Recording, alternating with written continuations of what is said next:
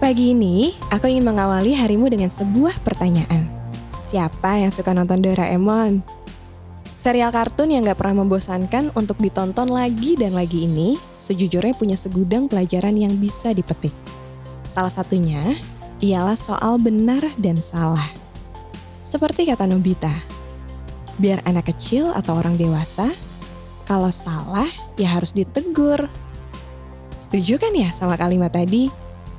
Salah dan benar itu nggak kenal usia.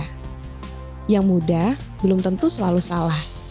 Yang sudah berumur juga belum tentu selalu benar. Meski katanya sih, yang lebih dewasa udah lebih dulu kenal asam garamnya dunia. Tapi kayak kata Nobita tadi, kalau salah ya harus tetap ditegur. Toh manusia hidup emang gak sempurna. Jadi udah bukan hal yang aneh juga kalau sampai kita membuat kesalahan dan bukan hal yang aneh juga kalau ada yang menegur kita atas kesalahan itu. Baik yang muda dan yang dewasa, gak perlu merasa tersinggung ketika diingatkan atau ditegur. Gak perlu juga merasa malu apabila benar melakukan kesalahan. Akui, lalu belajar jadi lebih baik itu gak susah kok. Lagian manusia memang tugasnya saling mengingatkan satu sama lain kan?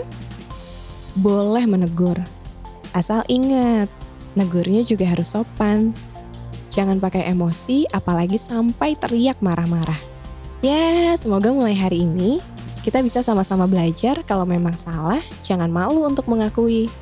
Lagi pula, umur itu bukan patokan untuk selalu jadi si paling benar kan?